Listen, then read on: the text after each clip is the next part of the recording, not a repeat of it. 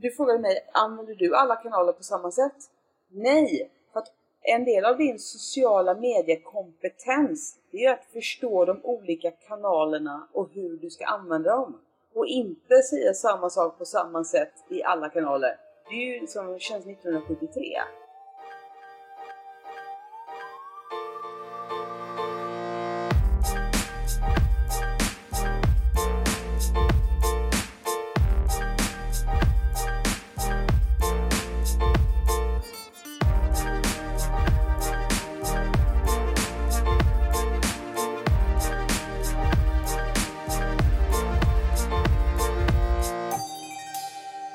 Varmt välkomna till Stjärnsäljarpodden med Thomas och Filip.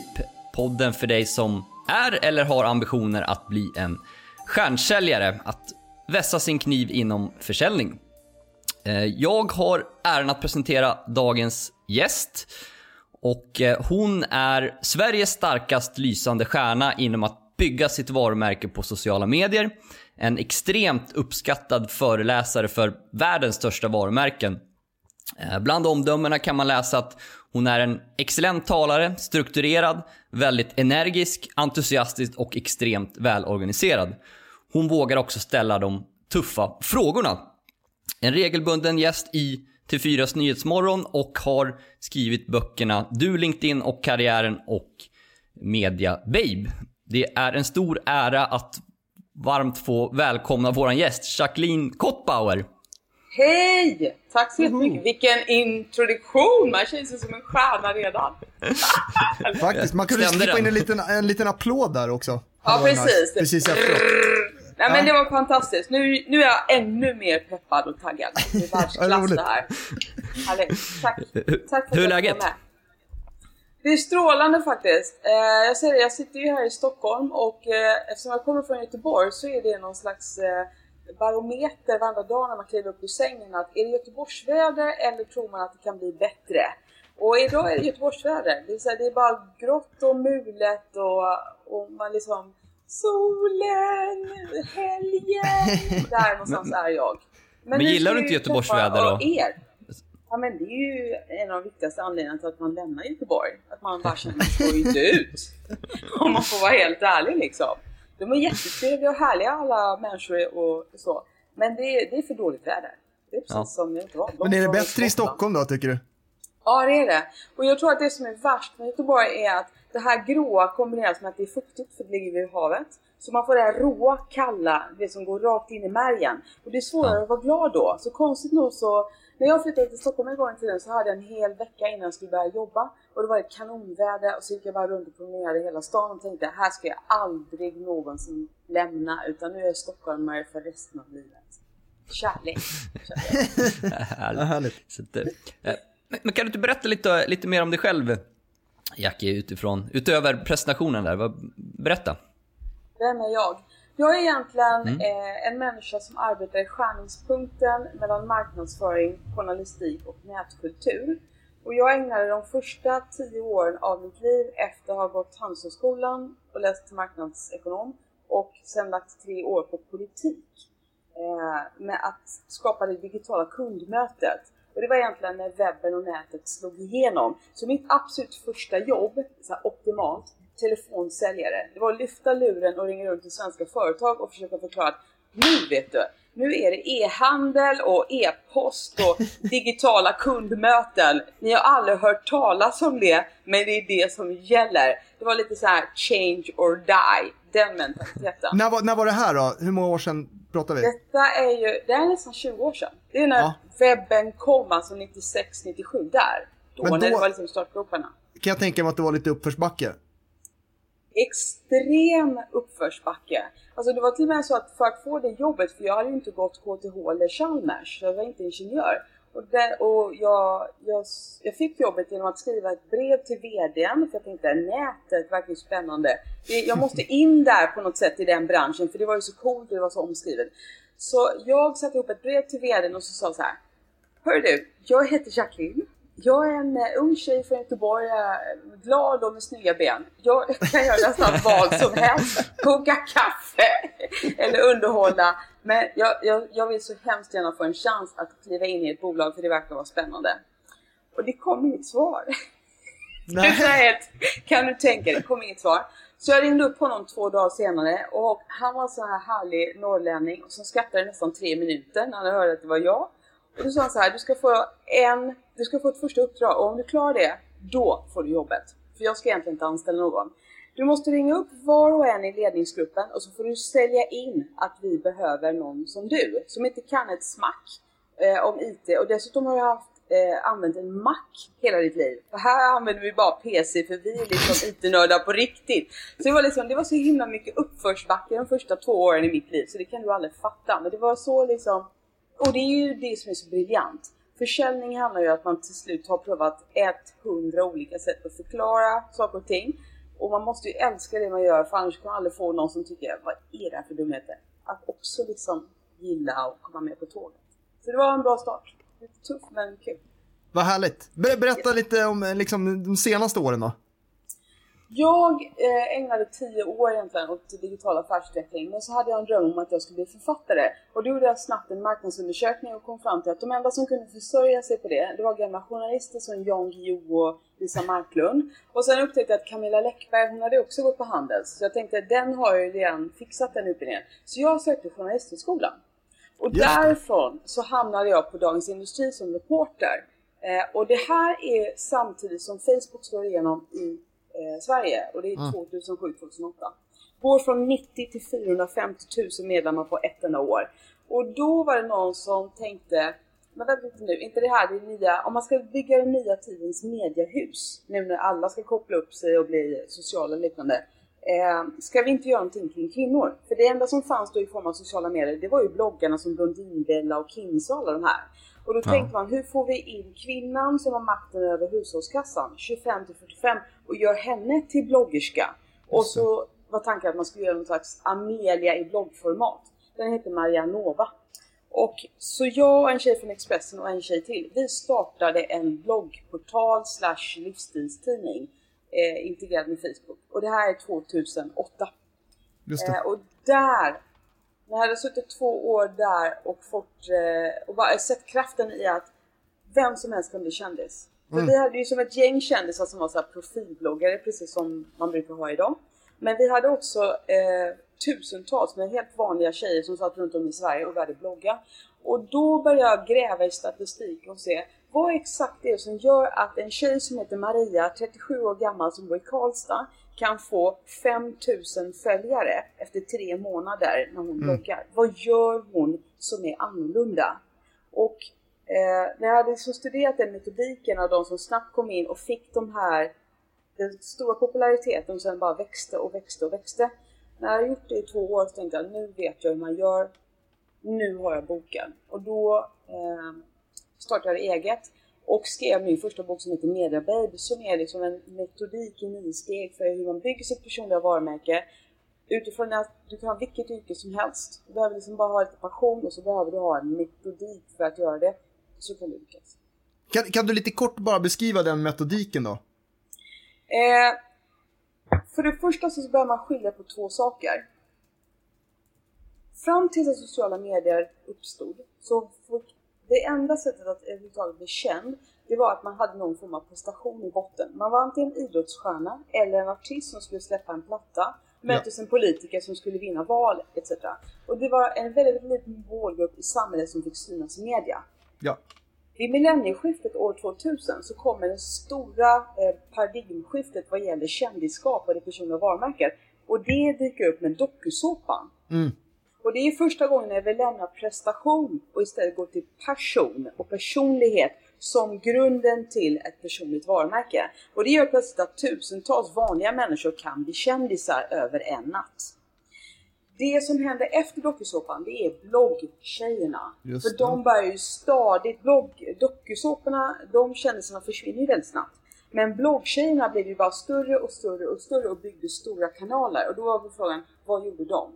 De skapade en ny kändiskultur där vi ville ta del av en människa, en kändis, 365 dagar per år och det hade mm. vi aldrig någonsin gjort tidigare. Nej. Och just tack vare att en målgrupp kommer in och på det sättet förändrar vårt mediebeteende Så att istället för att vi bara har favorit-tv-serien Game of Thrones som vi följer varje dag så kan vi nu bygga en relation till en bloggare och på den tiden var det bara tonårstjejer men idag så kan det lika gärna vara en jurist eller en IT-stjärna eller någon som är häst, professionell hästhoppare eller Alltså alla ja, yrken har sina egna kändisar. Mm. Så jag skulle säga att för det första så behöver man förstå att mediebeteendet har förändrats och att vi idag lever i det man kallar a celebrity driven society. Så hela medielandskapet, tack vare att sociala medier har blivit så stort, fokuserar väldigt mycket mer på enskilda individer och att följa deras levnadsöden. Därför har vi Kardashians. Annars hade vi aldrig haft det. Så när det väl är etablerat att vi följer enskilda individer och att de har egna kanaler i sociala medier, då kan plötsligt vem som helst bli stjärna. Så om det är den ena parametern så är den andra parametern, du behöver ge järnet. Alltså du behöver vara aktiv väldigt ofta. Det är den stora andra skillnaden. Och har du sen den tredje skillnaden, eller parametern, det är att du hela tiden gör en utvärdering som du får statistik, hur många kommenterar, gillar etc. Så mm. kan du anpassa och justera så att du, du är ju som en idrottsatlet. Du får feedback hela tiden och kan Exakt. vässa och vässa och vässa och bli bättre, populär, få fler följare. Och det är de egentligen tre parametrarna för framgång.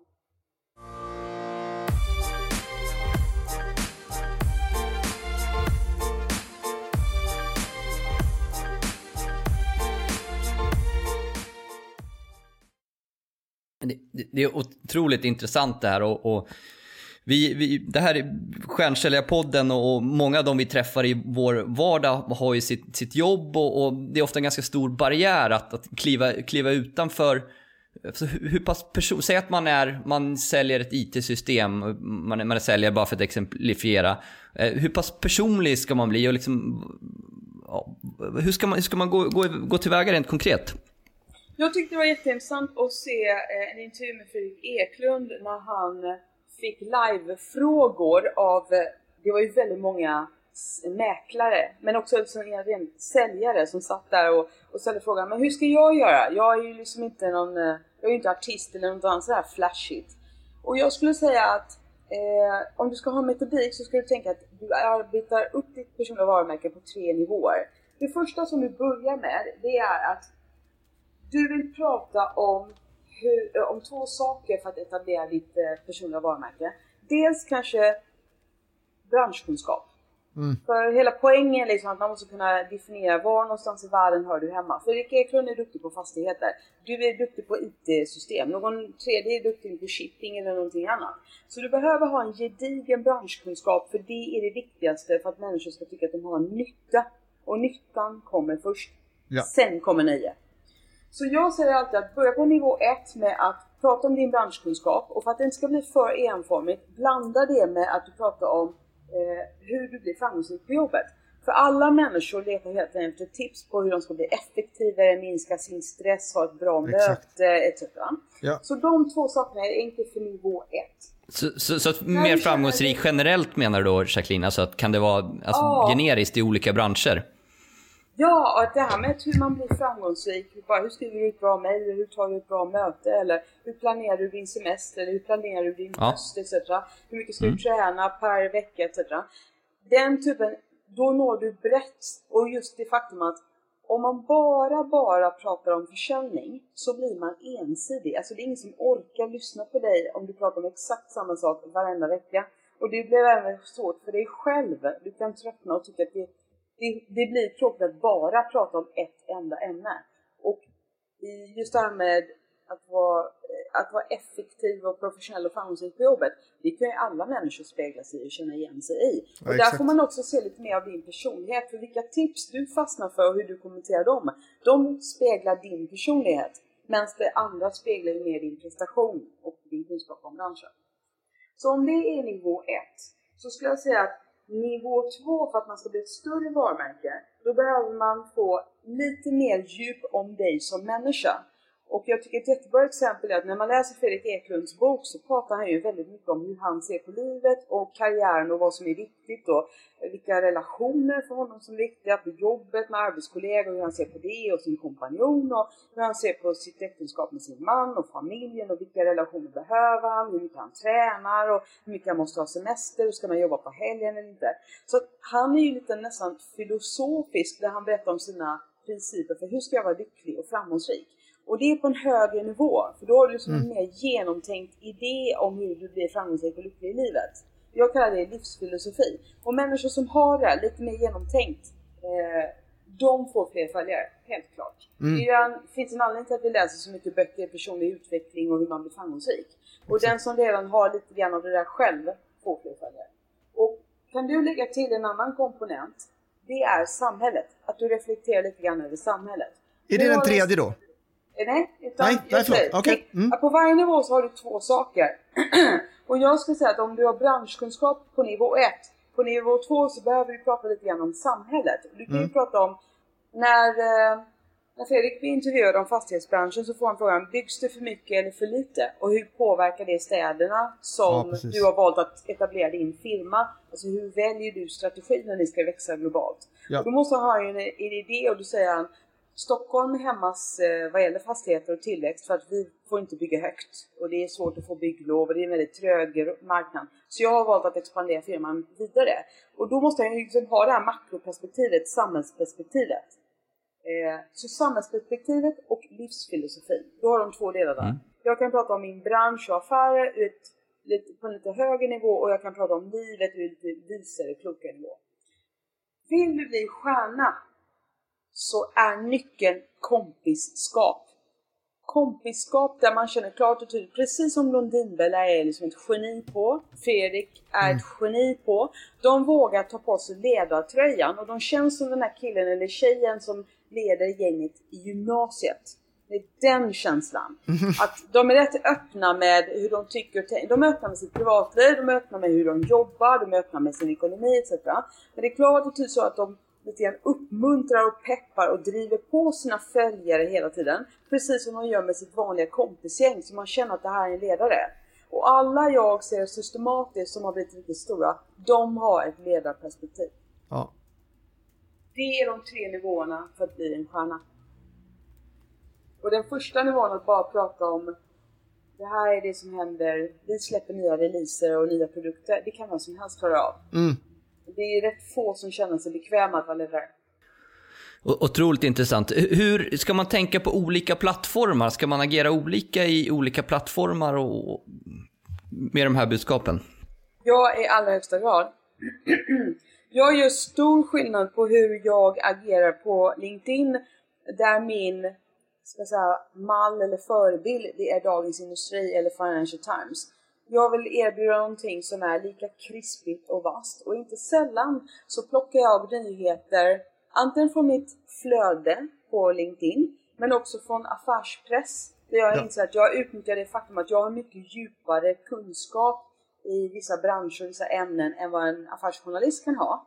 Så nu är mitt absolut mest spridda eh, inlägg, mitt mest framgångsrika inlägg på LinkedIn fick jag för två veckor sedan när jag skrev om Naked, det här nya e-handelsföretaget som man tror kan bli en ny eh, unicorn. Han som startade Nelly.se, Jarno. Det har lästs av 55 000 personer på LinkedIn, vilket mm. är liksom exceptionellt. Jag har aldrig varit i närheten av det. Och jag fångade upp det på affärstidningen Breakit. Jag bara såg att journalisten hade ställt frågan till Jarno, men hur kan ni gå från på mindre än ett och ett halvt år så har ni gått från 0 till 220 miljoner i årsomsättning. Alltså de flesta e-handlare tar ju och skrotar runt i evigheter och det händer ingenting. och det enda, och Jarno säger klart och tydligt, VDn och grundaren att ja, men det vill jag inte avslöja. Och så ger han en enda kort liten fras om att vi jobbar på ett annorlunda sätt med sociala medier och sökmotoroptimering som är mer kreativt. Just det. Eh, och inriktat på att bygga en community. Och eftersom jag superföljer allt de gör i alla kanaler så var jag behövde bara den lilla meningen för att få beviset på att den tesen jag bygger om att de gör det på ett väldigt, väldigt mycket mer eh, visionärt och framåtskridande sätt än de flesta andra som arbetar med influencers och sociala medier. Det att jag tog risken och skrev en analys. Så här tror jag att de gör. Och jag fångade en sak, för det var det som han sa som väckte så mycket uppmärksamhet. Han sa sociala medier kan ersätta tv-reklam för att bygga varumärke. Mm. Och eftersom tv-reklam är så fruktansvärt dyrt och alla inom marknadsföring och detaljhandel står och funderar på vågar vi sluta med tv-reklam och bara gå med digital marknadsföring? Och så kommer den här jätteframgångsrika startup-företagsledaren säga ja, det kan ni. Men han vägrar avslöja hur. Just det. Och så kommer jag med svar på hur. Då får du 55 000 visningar. Ja. Och det är det jag menar, det är vad jag strävar efter för att maxa min framgång på LinkedIn. Ja, fan. fantastiskt exempel. Um, hur tänker du i andra kanaler? Instagram är ju kvinnligt dominerad och väldigt mycket mer av en livsstilstidning där man vill komma nära personen. Mm. Så det är väldigt mycket mera att jag berättar hur jag känner och tänker inför både vad jag gör jobbmässigt men också det där jag pratar om att hur jobbar jag och bygger mitt företag och min karriär? Men den andra dimensionen är hur mår jag som människa? Inför helgen. Vad gör jag inför helgen? Hur tänker jag i relationer och med vänner? Hur, hur mycket orkar jag satsa inför nästa år när jag planerar mitt företag? Alltså, jag tänker hela den personliga känslomässiga dimensionen. Mm. Och den skulle jag aldrig blotta på LinkedIn. Så det är mer kompis, eh, alltså det tredje steget där som du berättade ja. om. Alltså mer kompis, det delar du med dig av på, på Instagram då? Det är ditt privatliv. Exakt. Ja. Det är som en lunch med någon. Just det. Så det ska mm. vara väldigt mycket mer. Och på Facebook, eftersom det är det stora debatt eh, eh, det är ju vår nya dagstidning skulle jag säga, där vi diskuterar väldigt mycket samhällsdebatt. Och där har jag ett rätt bra nätverk. Där eh, tar jag upp väldigt mycket samhällsfrågor och diskuterar. Och också lite, liksom lite mer den filosofiska dimensionen av hur ser jag på samhället? Hur ser jag på Trump? Hur ser jag på utvecklingen i Sverige? Hur ser jag på nyanlända? Hur ser jag på eh, vart jag tror att min bransch befinner sig om fem år? Mm. Och också eh, alltså bjuder in till dialog och diskussion. Hur ser ni på det här? Och för dig är det egentligen, jag säga, Facebook är den ultimata diskussionsklubben. Och det är, där, det är på det sättet jag kliver in och pratar om saker och ting. Vad tycker ni? Vad tror du om det här? Och våga vara rätt kontroversiell och eh, rätt, eh, ja, kontroversiell och öppen. Och säga ja. att här är, här, och så också vara beredd på att om jag får, jag säga, mot, eh, mothugg och eh, folk kan komma in på, på Facebook och vara rätt liksom, inte grova men rätt tuffa liksom eh, i sina kommentarer. Det är nästan ingen som vågar vara det på LinkedIn. Nej, det är exakt. väldigt städat och prydligt. Och då innebär det att jag erbjuder för min publik att de kan få ytterligare en dimension av mig och umgänget med mig. Och det är därför jag får så många följare som följer mig i alla kanaler, för de får så helt olika upplevelser av mig. Och det skulle jag också säga är en absolut nyckel om du verkligen vill bygga ett personligt varumärke av någon typ av storlek och styrka. Mm. Jobba alla kanaler. Ja, absolut.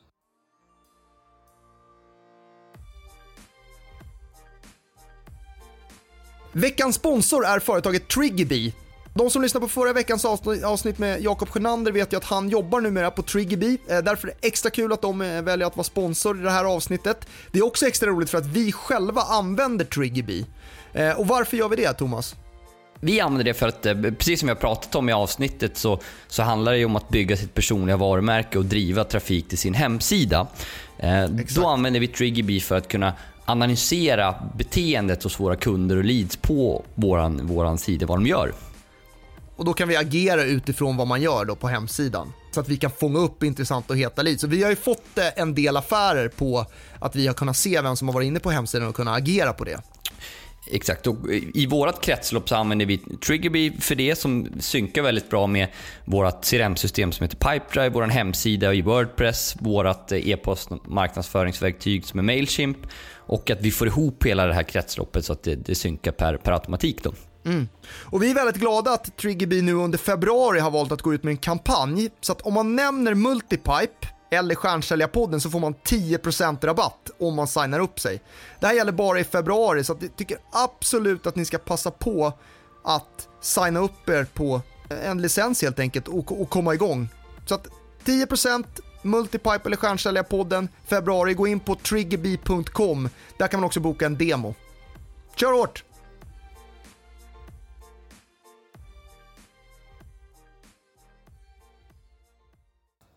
Fråga där Jacqueline, eh, hur ska man tänka kring hur långt ska man, hur pass kontroversiell ska man vara? Jag tror att Fredrik Eklund nämnde i sin bok att han försöker undvika att prata politik. Han har mycket åsikter, men han vill inte liksom lägga sig höger eller vänster eller så. Eh, hur pass kontroversiell ska man ha i sådana områden? Jag skulle säga, och det, det är någonting som jag uppmuntrar på mina föreläsningar, att det finns fyra ämnen som man ska vara extra försiktig med, för de de innehåller en hel del tabun och eh, kopplingar till väldigt djupa värderingar och därför väcker de också väldigt mycket mer ont blod. Det första är naturligtvis eh, politik. Det andra är religion. Det tredje är hur man förhåller sig till brusningsmedel som alkohol och narkotika och liknande. Och det fjärde är barn och barnfostran. Mm. mm. Alltså man tänker inte på det, men det går så rakt in i hjärtat på alla människor att barn har ju aldrig valt sina föräldrar och vi, har, vi känner alla någon typ av kollektivt ansvar för att barn inte ska fara illa i samhället. Så att, att någon blottar åsikter om hur de uppfostrar sina barn som vi inte håller med om, det är ett av de enklaste sätten att få människor emot sig. Så jag säger alltid att de fyra områdena, och jag skulle lägga till lite grann i Sverige, pengar. Ja, just det. Var lite försiktig med hur du pratar om pengar och hur mycket du lägger ut texten om det. För det är också någonting där man avundsjukan kommer bara per automatik. De flesta mm. människor har ju fast lön och, och känner att de kan inte påverka sin, sin livssituation på det, eh, det planet och kan är kanske inte alltid 100% nöjda. Och så kommer du där och är jätteglad eller liksom, och, och, de, och det väcker också ont blod. Och mm. det, mm. jag tycker bara, där kan man vara lite försiktig med hur mycket man eh, tar ut svängarna. Hur ska man jobba, alltså medarbetaren eh, som, som en, en, marknadsföringskanal, hur ska man jobba i ett team eller på ett företag för att, för att få ihop det? Det är ju liksom den riktigt stora, eh, skulle jag säga, trenden som slår igenom 2016-2017, team branding. För vi har ju mm. pratat mycket personal branding, men team branding är den stora, eh, tycker jag, hävstången. Och jag föreslår, för att hitta en stark analogi så att man förstår, tänk dig ett fotbollslag. Om det är så att jag är fotbollsspelare så exakt samma insats och prestation om jag spelar för Manchester United eller om jag spelar för Halmstad BK så blir det väldigt stor skillnad i hur man kommer värdera min prestation och värdera mig som spelare. Så man behöver förstå att den enskilda medarbetaren tänker vilket företag, vilket team, brand ja. tillhör jag. För det kommer påverka mitt personal brand och det man kallar mitt market cap, alltså mitt marknadsvärde. Ja. Så jag blir en mer attraktiv spelare om jag tillhör ett vinnande lag. Just det. Om man har fått en medarbetare att förstå den första biten, då blir det intressant för medarbetaren att vara med och aktivt rekrytera in duktiga spelare i laget. Men också se till att alla spelare i laget lyckas för då lyckas hela laget bättre och ni framstår som ett tight team. Man ska inte underskatta det faktum att anledningen till att sådana här äh, tv-serier som Friends och Skam som går den så populära, det är att vi människor, vi kommer hela livet leta efter det här kompisgänget som, är, som gillar varandra, som hänger, som är framgångsrika och som har roligt ihop. Och därför är det här med team branding så starkt. För vi gillar att se en grupp individer som trivs tillsammans och som jobbar framgångsrikt ihop. Så när man kan se på nätet, jag ser det mer och mer på LinkedIn också, att medarbetare de lyfter varandra. De likar alltid, de kommenterar och de stöttar varandra. Man ser att de jobbar som ett team. Exakt. Det ger ju också en känsla av styrka och framgång. Så jag skulle säga, när man väl har förstått den dynamiken som enskild medarbetare, då inser man att okej, okay, hur bygger vi då vårt team? Just. Jo, att var och en av er behöver ju hitta en specifik roll och en expertroll. Tänk eh, Fantastiska Fyran eller Star Wars eller någon annan typ av alla har sin specialitet och sin styrka och ju mer ni är olika men kompletterar varandra så har ni ett starkare erbjudande och då ja, vet man exakt. att ni vinner alla matcher. Så du vill ha att ni stöttar och förtydligar varandra med att ni är olika sinsemellan. Då kan du få maximal hävstång av ett teambrand. Så det är, det är okej okay då om, om, vi tar United-exemplet som Zlatan Ibrahimovic, han har den kaxiga utåtriktade rollen medan en, en vänsterback eller målvakt har liksom den, den kanske mer inåtvända rollen, eller på något sätt eh, ödmjukare rollen i alla fall. Exakt, och mittfältarna ska vara de här slitvargarna, för man gillar att det finns sådana. Om man gillar att det finns en målvakt som ger den här någon slags grundtryggheten som finns där borta. Och hur, ju tydligare och mer de uppskattar, visar uppskattning för varandra. Tänk på hur du känner när när fotbollsspelarna eller basketbollspelarna liknande, när de har gjort mål eller när man ser att liksom, de på något sätt pratar ihop sig om hur de ska agera och stötta varandra och peppa varandra för att liksom, de är oroliga för att de, matchen går åt fel håll. Vi påverkas alla av den psykologin. Vi påverkas på precis samma sätt på nätet. Vi ser att de stöttar och samarbetar. Just det. Så det är en viktig dimension. Mm. Det är, bra, det, är en bra, det är ett bra tips. Yes. För alla som vill bygga ett starkt team och som har bestämt sig för eller förstått att sociala medier är så pass starkt så att man bör finnas där. Ja, och då skulle jag säga för att ni ska verkligen få tryck i det här, skapa gärna en kommunikationsplan som är väldigt enkel men väldigt tydlig. Varje dag så ska minst en av oss göra ett inlägg och alla går in och likar. Just det. Så enkelt och tydligt. Så man har den, och då vet man att man har minst två, tre inlägg per månad som man ska ja, få precis. iväg. Och också att alla kommer stötta en och sprida och dela och då får ni rätt bra tryck och så syns ni ofta. Varför gör man inte det? Alltså varför gör inte eh, företag det på det sättet? De alltså det, det känns inte som det i alla fall. Som att man tänker så. Eh, de har inte haft mig på besök som föreläsare en timme så de har inte fattat grejen. Ja, jag är helt ärlig, jag ser enorm skillnad på några av de IT-bolag och eh, finansiella stora spelare som jag har jobbat med. Men ofta skulle jag också säga så att det tar en två, tre år innan ledningen, alltså ja. ledarna, har fattat fullt ut. Jag ser till exempel nu ett bolag som jag har arbetat med, som jag kan nämna, det är PricewaterhouseCooper. Och där ser man den här systematiken att de nya medarbetarna som kommer in, de får ju genast hjälp med att presentera en presentationstext som de går ut på LinkedIn och presenterar sig själv. Ja. Och då får de alla sina kollegor som går in och likar den och den som är först på att lika den, det är deras chef. Ja. Och när du ser det väldigt målmedvetet, och sen säger jag okej okay, nästa vecka så kommer ytterligare ett litet inlägg från den personen. Och så genast, du vet 30 pers är inne och likar. Det är klart att den människan känner sig stark och kommer genast med in i laget och det är väldigt målmedvetet.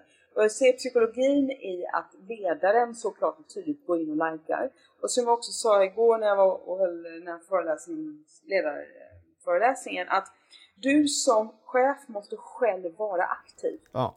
Du kan liksom inte tänka att jag är 50 och de här andra de är 30 liksom och de får köra lasset ut LinkedIn för jag har inte tid med det. Utan det är oerhört starkt eh, när ledare själva är aktiva och ett av de bästa exemplen tycker jag är han som är chef för Volvo Car Sweden, Christer eh, Elfors. Där man säger enkelt och elegant, och jag tror till och med det är kommunikationsavdelningen som skriver en del av hans inlägg. Säkert. Det är one-liner som är så här snyggt. Eh, så, då kan låta så här. Eh, härligt med lite skön musik till jobbet. Tack för ett bra samarbete Spotify. Mm. Och så har han länkat en pressrelease där Volvo och Spotify har gjort ett samarbete. Ja, just. Ja, fantastiskt. Det, det, är elegant att skicka signalen till alla sina medarbetare att så här jobbar vi. Utan att peka med hela armen, utan bara liksom gör det själv. Det är ju bästa ledarskapet. Ja. Vi pratade om, om eh, medielandskapet här för, för knappt tio år sedan när, med Facebooks födelse i Sverige. Eh, om vi blickar framåt, vad, har, har, har, du några tankar på vad som kommer ske? Vi kommer se eh, den enskilda individen bli, bli den nya mediekanalen. Det kommer, nu har man pratat om bloggare och youtubers och precis som när bloggen kom för över tio år sedan så är det först tonåringar och kids. Och då tror man att hela Snapchat, Youtube och allt det där, att det är bara ungdomsmedia för ungdomar. Men det som vi ser idag på bloggsidan, idag har du ju jurister och miljövetare och alla möjliga olika och politiker och alla möjliga bloggar. Och många företag ger sina ta, ger sina experter möjlighet att blogga på hemsidan och pusha dem i sociala medier. Och där ser man ju väldigt klart och tydligt från de företagen som gör det målmedvetet att det driver in väldigt mycket trafik på hemsidan och ger säljarna möjlighet att hitta leads. Ja. För att det finns folk som säger ja men det här, ni är en leverantör, vi skulle vilja att ni var med på den här upphandlingen. Så jag säger att på motsvarande sätt så kommer man eh, från företags sidor, eh, sida att hitta medarbetare som vill ta plats. Och jag säger det finns inget bättre sätt för dig att bygga din karriär, visa att du bidrar på jobbet och framtidssäkra din karriär. För du blir ju mer attraktiv för framtida arbetsgivare om du har syns och hörts och ett känt namn i branschen. Helt klart. Och har en tydlig, du har ett personligt varumärke som man känner till. Jag tänker alltid på när jag ser eh, Gunther Mårder som var på Nordnet och som jobbade på deras kommunikationsavdelning och som twittrade som en galning. Ja. Det var ju det som gjorde att han fick jobbet som VD för Företagarna. Ja, exakt. Menar, han kanske inte var klippt och skuren men de hade ju en sån oerhört stark profil och ja. det var det företagarna tog in med att han är säkert duktig. Ja, exakt. Jag, så när jag lyssnade på Kristoffer Engman som var och gästade förra avsnittet på um, Stjärnsäljarpodden. Han satsar ju nu i sin nya tjänst eh, på att ta fram 10 stycken av deras experter och säljare som kommer bli ansikten utåt och alla har sin specialist eh, sitt specialistområde. Mm. Och det är oerhört starkt. Och du tänker de blir ju 10 mediekanaler. Men om du tänker ett steg till. Då säger att ett företag har 500 medarbetare och alla de börjar i sina sociala kanaler gå ut och prata om företaget. Det innebär att istället för att man har en reklam som kommer som går, som går ut via hemsidan och företagets sidor i sociala kanaler och via vanlig reklam. Så får du istället 500 mediekanaler i form av dina 500 medarbetare. Och alla de mediekanalerna kommer utgå från den enskilda medarbetarens expertis och intresseområde och personlighet. Och det betyder att de kunderna som arbetar med just den säljaren får ju liksom det som är mest relevant för dem. För den säljaren kommer ju välja innehållet i sin kanal som är mest intressant för sina kunder och sin målgrupp. Och då kan det vara väldigt mycket mer relevant och intressant än om du har liksom ett enda budskap från Telia eller ett enda budskap från Scania eller vad det är för bolag. Så den nya tidens medielandskap det är att man har 500 nischade, högrelevanta, intressanta mediekanaler från ett företag som bygger på experter och där man har personliga relationer mellan tittarna och den som sänder som är medarbetare. Det är framtiden. Mm. Vad, vad, vad, tror du 2017 när du blickar framåt, så här, vad, vad, kommer vi eh, se för andra kanaler då, förutom de vi, vi ser idag liksom? Eller är det några mindre sociala medier som kommer bli stora tror du? Det när Mark Zuckerberg säger att Facebook kommer i allt högre utsträckning utgå från att vi inte skriver text och lägger en bild utan vi kommer ta upp kameran och bara prata in i den. Ja. Det är ju det alla väntar på, att ja. vi kommer bli duktiga på att livesända eller spela in små klipp. Och då skulle jag säga att den, de yngsta är ju redan inne på Kik och ett antal appar som helt och hållet bygger på det, att man bara spelar in klipp och skickar. Ja. Så jag skulle säga att mängden kanaler fortsätter ju att öka alla har fortfarande Facebook som någon slags dagstidning och telefonkatalog. Mm. Eh, Instagram är den nya livsstilstidningen och fortsätter ju att sänka egentligen digital press. Mm. LinkedIn kommer få ett enormt genomslag. Jag tycker också det är någonting som är väldigt intressant, man bara tänka mer offensivt. Facebook, Google, Instagram och Snapchat är alla blockerade i Kina. LinkedIn är den enda sociala kanalen som är tillåten i Kina och de har 20 miljoner medlemmar. Och då förstår man att om jag var ett bolag som ville in på den kinesiska marknaden mm. så är ju LinkedIn ett sätt för mig att arbeta med det. Exakt. Och det är när man bara ser de andra sätten att mer offensivt arbeta med den här nya mediestrukturen. Det är din edge. Mm. Det är det som är konkurrensfördelen. Så de företag som dels utbildar, uppmuntrar och får ledarna att verkligen backa upp sina medarbetare till att vara väldigt mycket mer offensiva och aktiva. Kommer få mer leads och få egentligen ett starkare grepp om marknaden. Men det är också så att man kan expandera på nya marknader genom att först utnyttja de sociala medierna. Och då har man också en enorm nytta av att man har medarbetare som är duktiga på att vara kommunikatörer. Så bara det här med att vara duktig kommunikativt kommer vara en helt annan karriärfördel än vad det har varit hittills. Däremot så tror jag, om det kommer en ung generation eh, som har, de har ju mer, de som är under 25 jämfört med de som är över 25, de lägger mer än dubbelt så mycket tid per dag och de har mer än dubbelt så många kanaler. Och de rör sig fortfarande i flock. För när man är under 25 så umgås man med sina kompisar hela dagarna, hela tiden. Det är också det vi ser på Skam, den här tv-serien som är så oerhört, alla borde se minst ett avsnitt och fatta. Mm. Hur integrerat den digitala kommunikationen är med det fysiska livet hela tiden. Mm. Däremot så kan man ju då fundera på, ja men kommer alla att använda, eller jag ska säga så här, du frågade mig, använder du alla kanaler på samma sätt? Nej! För att en del av din sociala mediekompetens, det är att förstå de olika kanalerna och hur du ska använda dem. Och inte säga samma sak på samma sätt i alla kanaler. Det är ju som känns 1973. Så det där med att odla sin sociala mediekompetens blir ju allt viktigare för det blir en allt viktigare del av vad du bidrar med på jobbet. Och mm. nu kommer de här enorma content management-systemen där man mäts poäng. Man ser exakt vilka medarbetare sprider mest, vad får för spridning, exakt. ger det leads. Det, egentligen resultatuppföljningen. Och i takt med big data och analyser överhuvudtaget så kommer vi få väldigt mycket mer mätning av olika medarbetares leverans. Ja. Så jag tycker generellt sett så är detta positivt för det blir ytterligare ett sätt att leverera på jobbet. Kan man, eh, fråga bara, eh, kan man bli för mycket? Kan man posta för mycket saker? Hur resonerar ja, du där? Ja, absolut. Jag är en av de som postar jättemycket och eh, mitt sätt att tackla lite grann hur mycket kan jag posta? Det handlar ju om hur mycket skapar jag innehåll som håller hög kvalitet ja. och är helt och hållet till för min målgrupp för att serva dem och deras behov. Ja. Jag bygger mitt LinkedIn-nätverk på volym. Så jag är inte alls inne att jag måste ha en personlig relation till människor utan jag ser det som ja, en mediekanal. Ja. Men jag gör det också för att jag vill bygga en väldigt, väldigt stark position. Jag vill bli dagens industri inom mitt område och då är jag medveten om att 80% av det jag postar minst måste vara någonting som inte för fem öre handlar om mig utan är till för att jag hjälper min målgrupp. Det är det som är jag, jag måste ha ett erbjudande mot dem. Ja, de precis. hjälper sig att hålla sig ajour inom sitt område eller inom mitt område för att de känner att jag, sociala medier måste jag hålla mig ajour med. Det nya framtidens näringsliv som jag skriver mycket om, det måste jag hålla mig ajour med. Och hon har en djup kompetens och ger mig spetsiga, korta, perfekt på morgonen och på kvällen, hålla mig ajour. Hon blir viktig för att jag ska hålla mig på spets. Det är det som är mitt kunderbjudande när jag arbetar med LinkedIn. Ja. Och det är det som gör att jag har blivit så stor och stark där och fortsätter växa. Och har du det erbjudandet, då kan du bli riktigt stor. Mm. Det är mm. därför när Fredrik Ekman gör sin såpa så får vi lära oss väldigt mycket om fastigheter. Mm. Det kan inte bara handla om honom och hans privatliv utan du måste bli en duktigare investerare och förvaltare av din egen fastighet eller dina fastigheter. Så du måste ha återigen det här, nytta kommer före nöje. Definiera först din nytta och var väldigt tydlig med den. Så, så så länge man skapar ett tydligt värde för sin målgrupp, då kan man lägga ut mycket? Ja, det kan man. Ja. Och sen skulle jag lägga till en sak till. Det är lättare om du dessutom inte bara gör, lägger ut dina inlägg utan du också lyfter och puffar andras, andras inlägg. Exakt. Yes. Otroligt viktigt. Där finns med. social ekonomi.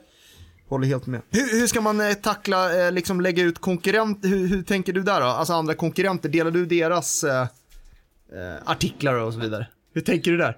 Jo, och frågan är om du har konkurrenter, har du verkligen lyckats då? Nej, det är en bra fråga. Det är bra fråga va? Ja, men jag, jag håller med. För ditt kunderbjudande ska ju egentligen vara så unikt att det är inte bara så att, eh, låt säga att du, du säljer ett eh, Enterprise-system. Och då kan man tänka så här, ja men alla Enterprise-system är likadana. Mm. Svaret, nej det är de ju inte. Men det är ju fortfarande så, och det tycker jag också var intressant, kan du som den mänskliga faktorn som också är en del av affären, ju mer du, för du är ju unik, dina kunskaper och vad du kan erbjuda kunden i form av kompetens men också hela upplevelsen att ha med er att göra som leverantör. Så om du tänker att du gör att erbjudandet mot kunden faktiskt är unik, då kan du ju faktiskt prata om dina konkurrenter. Mm. För det, ni är ju egentligen inte konkurrenter för de kan ju aldrig erbjuda det du gör. Ja, så hur gör jag mot sådana som skulle kunna vara mina konkurrenter? För min, min första, mitt första mål, det är att vara helt unik. Det ska inte kunna finnas någon annan i Sverige som har exakt samma erbjudande som jag har. Nej. Och det tycker jag att jag har. Men det finns ju andra till exempel som också pratar om LinkedIn. Och hur gör jag då? Jo, då inser jag att de förstår ju den sociala ekonomin. För det är ju bara de konkurrenterna som jag hjälper. Att när jag lyfter dem så tackar ju de genom att lyfta mig. Mm. Så det är ju nästan som ett samarbete, ja, att precis. vi ger varandra trafik. Exakt. Jag, jag håller helt med, det är bara det att det är många som tänker annorlunda här. Men som en sista passning då, om man är, om man är säljare, säljchef, VD och så liksom tyck, har man blivit inspirerad förhoppningsvis av den här podden eh, och liksom såhär, fan shit, vi måste bli mer aktiva. Vart ska man börja någonstans? Jag tycker det viktigaste för att man ska orka vara aktiv, vilket är hela nyckeln. Syns ja. du inte, hörs du inte så blir det liksom inget. Nej, exakt. Du behöver tänka, du behöver skaffa dig en nyhetsmotor. Och antingen så är det så att du prenumererar på väldigt mycket branschmedia och andra. Så du får dem i, i, i din e-post, inbox. Ja. Yes. Och där hittar du hela tiden artiklar och annat som du kan dela. Ja. Och eller så följer du väldigt många både tidningar, mediesajter, företag, experter och andra individer som är intressanta på LinkedIn. Så att i din nyhetsfeed varje dag så får du hela tiden uppslag som du kan dela. Exakt. Men det viktiga är att du tänker, för det är ju så en journalist arbetar. En journalist sitter ju inte och hittar på nyheter utan skannar och skannar massa nyhetssajter. Mm. En journalist sitter och skannar, vad skriver alla andra tidningar? Vad säger de på radio, vad säger de på TV och tidningar? Och letar efter uppslag. Och jag kallar det att skapa sig själv en nyhetsmotor. Och det är väldigt enkelt. Antingen nyhetsbrev, inboxen eller en stor fet nyhetsfeed på Twitter eller LinkedIn där det kommer upp uppslag och då är det återigen så. Det är ingen som kommer göra samma urval med att de här två grejerna var intressanta idag, då delar jag dem. Än du. Så det blir automatiskt unikt för dig. Det viktiga är att du inser vikten av att försöka dela någonting, helst varje dag. Det är viktigt liksom. Det är så du bygger ett varumärke. Just det. Bör, börja följa och omvärldsbevaka och, och, och, och, börja utifrån det och dela. Exakt. Eh, om man vill komma i kontakt med dig, hur gör man då? Då går man in på jackiekoppauer.se och så står allt där och så kommer man vidare. Och så går man min heldagskurs. Ja. Det, det, det, det, det är ett konkret eh, tillvägagångssätt. Jacqueline, eh, stort, eh, jättestort tack och eh, i övrigt, våra lyssnare, om man vill komma i kontakt med oss så mejla gärna in frågor eller tips på, på gäster framöver. Det kan man göra till info multipipe.se. Ska också passa på att tacka våran producent Niklas Gossip på Story of You och såklart stort tack till, till er lyssnare och på återhörande allihopa. Tack för idag! Stort tack! Tack! Tack! Kram!